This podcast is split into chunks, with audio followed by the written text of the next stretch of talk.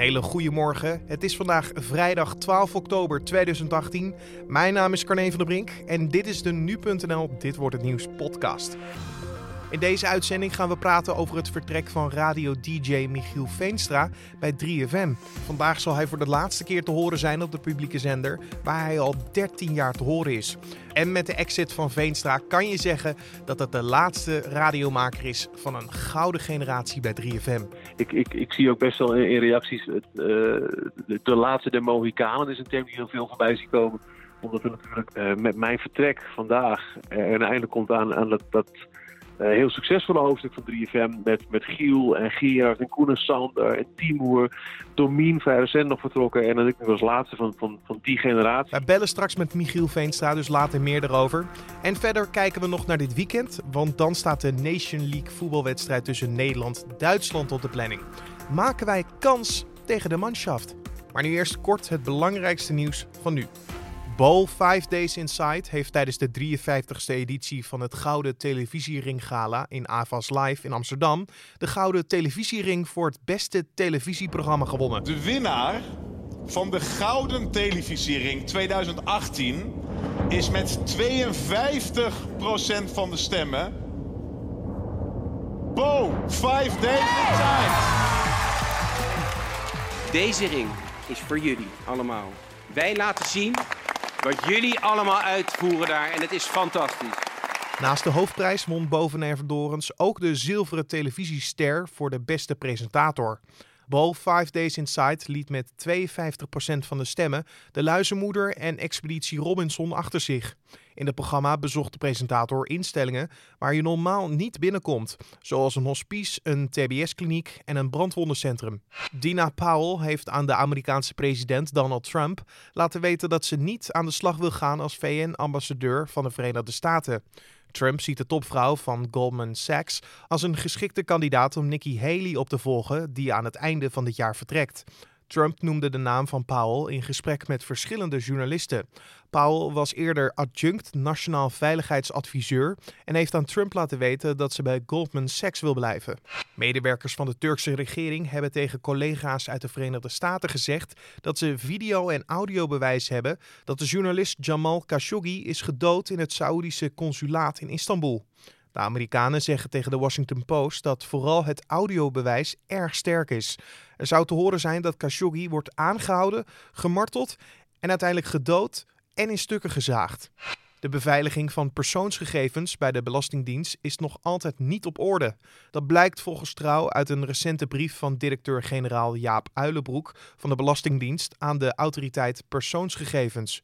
De fiscus houdt bijvoorbeeld niet bij welke gegevens door medewerkers worden opgevraagd. De Belastingdienst kan volgens de brief niet garanderen dat de persoonsgegevens niet zomaar buiten de systemen belanden. Uit eerder onderzoek bleek al dat de beveiliging niet op orde was en volgens Uilenbroek is dit niet veranderd.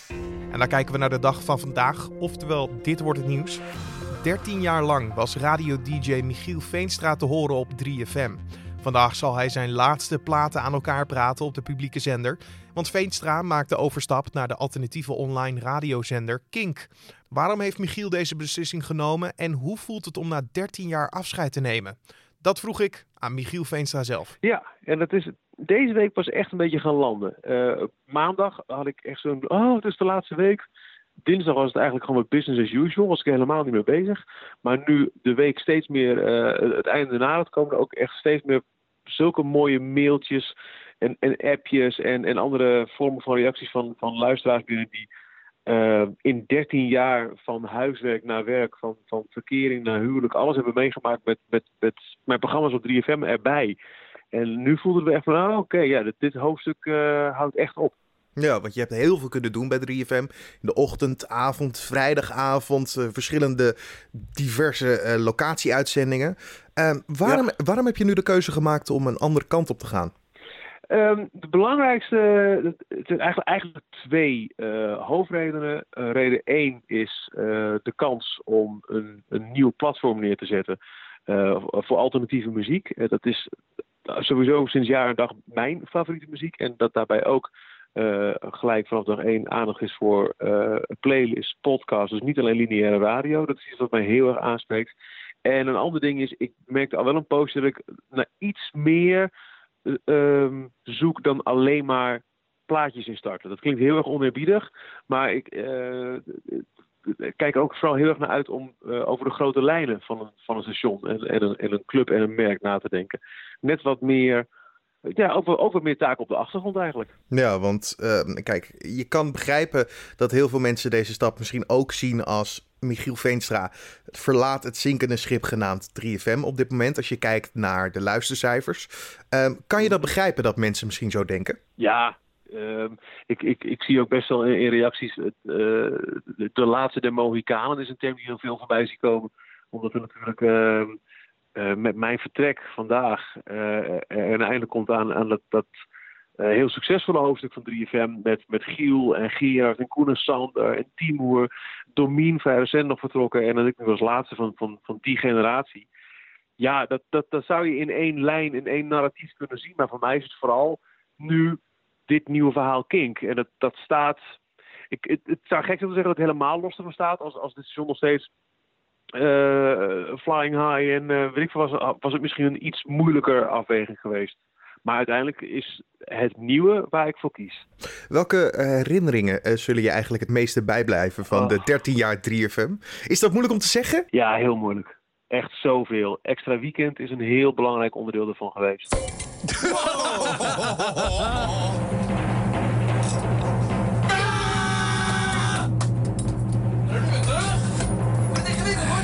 En dan nu, officieel...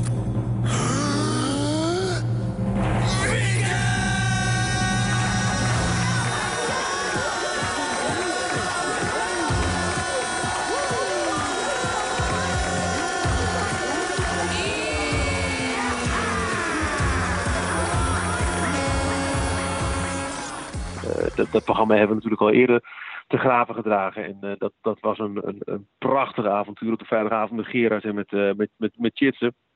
Um, uitzenden vanaf de Noordpool. Uh, een van de meest bijzondere dingen die ik ooit heb gedaan. En daarmee ook nog een keer mensen hebben kunnen, aan het denken kunnen zetten over klimaatverandering.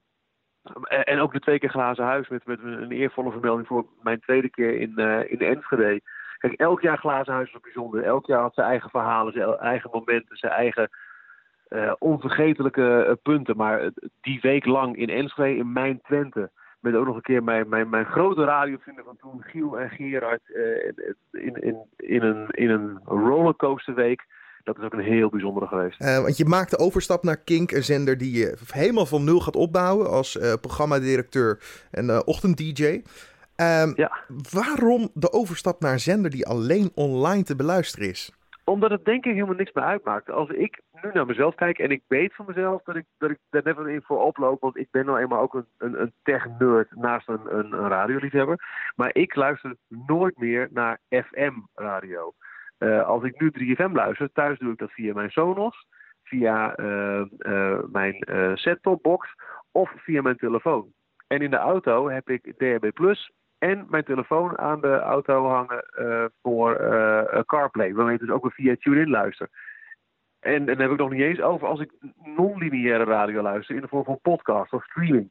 Het maakt mij echt niet meer uit of een zender al dan niet op FM te horen is. Dat is voor mij echt een totaal irrelevant uh, verhaal. En daar komt nog een keer bij dat ik door mijn hele podcastervaring van de afgelopen jaren heb ik ook gemerkt dat als je iets maakt dat er nog niet is en waar mensen bewust naar willen luisteren.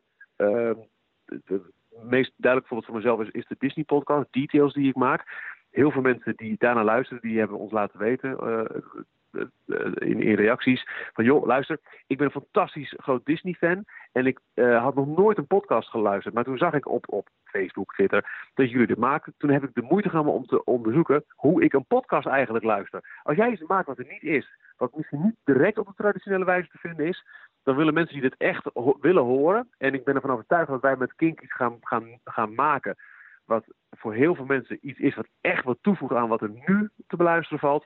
Dan zullen mensen daar hun weg naar vinden. Iedereen die dit hoort is een bevestiging van, van mijn overtuiging. Ik denk dat we sowieso moeten kijken naar het feit dat jij vandaag afscheid neemt van 3FM. Maar nog lang niet van het medium radio of online radio. Dat, dat is nog lang niet aan de orde. Absoluut niet. En uh, al helemaal niet als, als je het zou uh, groter zou trekken naar de muziek.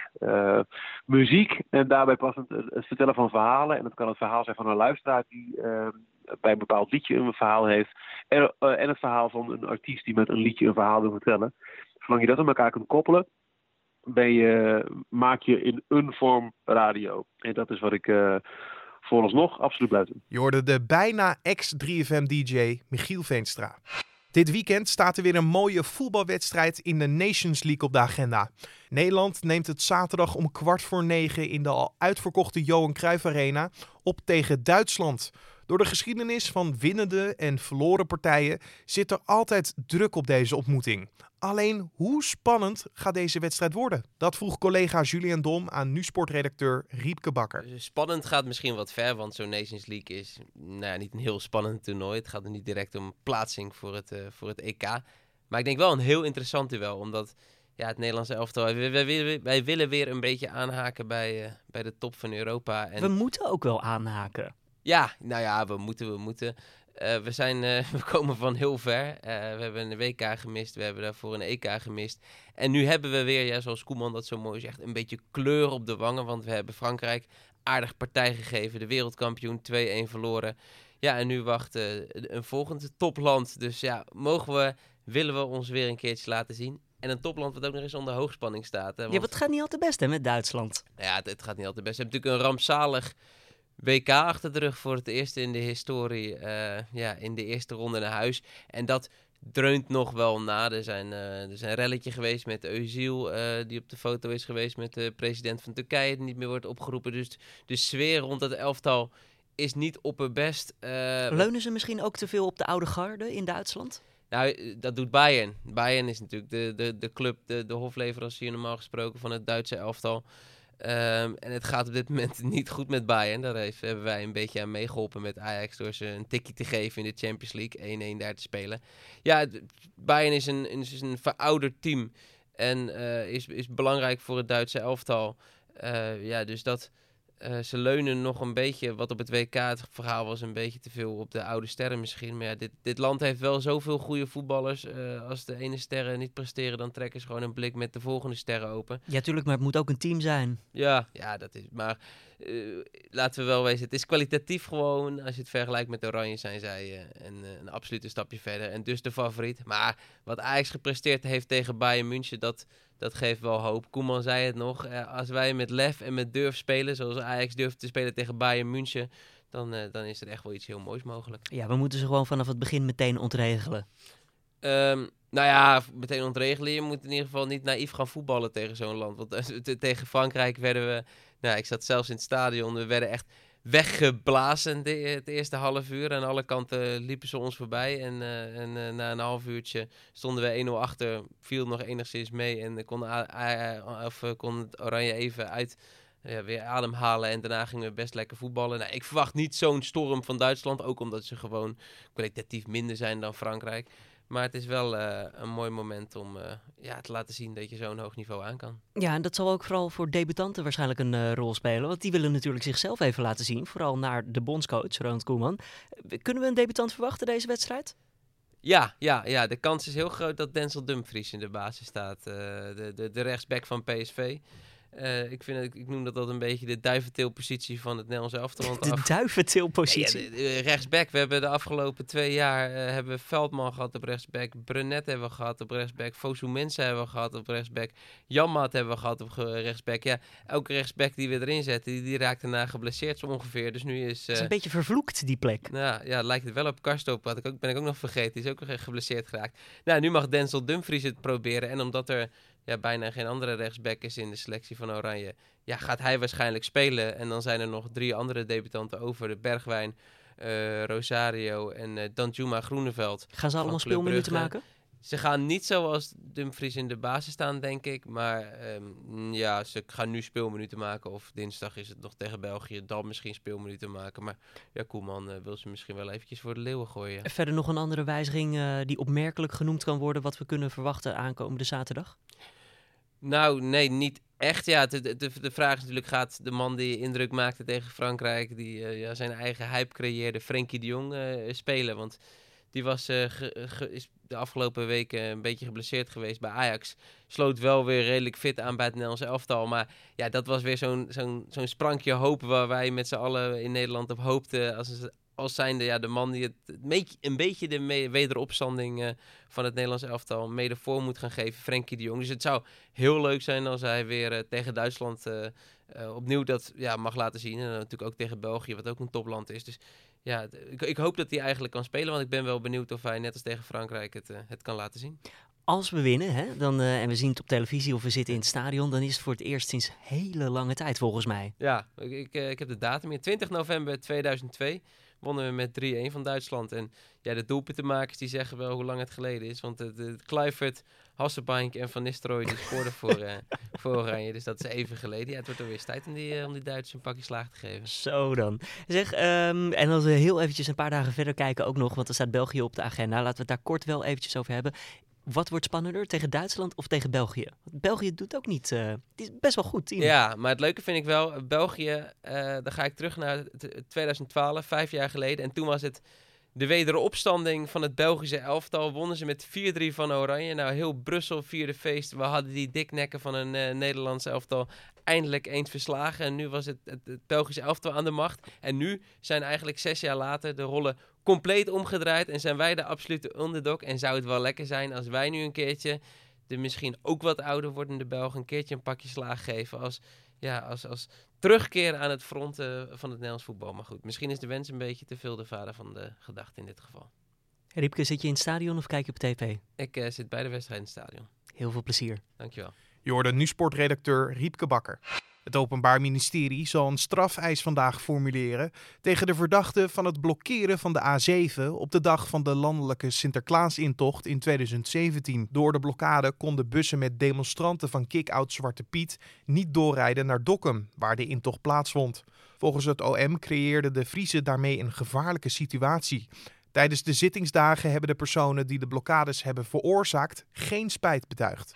Vandaag worden in het proces tegen Willem Holleder kroongetuigen Peter Lacerpe en Fred Ros tegelijkertijd gehoord over hun kennis van de vermeende betrokkenheid van Holleder bij de moorden op Kees Houtman en Thomas van der Bel. Lacerpe is veroordeeld voor zijn betrokkenheid bij beide liquidaties en Ros voor zijn rol bij de moord op Van der Bel. En dan nog even het weer. In de ochtend kunnen lokaal wat regendruppeltjes vallen. Op steeds meer plaatsen gaat de zon schijnen. En in de middag wordt het een heerlijke temperatuur tussen de 21 tot 24 graden. En om af te sluiten nog even dit.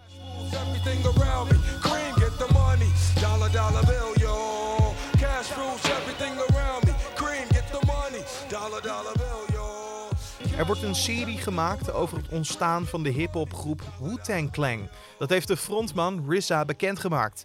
De show speelt zich volgens de makers af begin jaren 90 in de ergste dagen van de crack-epidemie in New York. En volgt RZA in zijn streven een groep jonge Afro-Amerikaanse mannen samen te brengen die moeten kiezen tussen muziek en criminaliteit. En uiteindelijk een onwaarschijnlijk Amerikaans succesverhaal worden.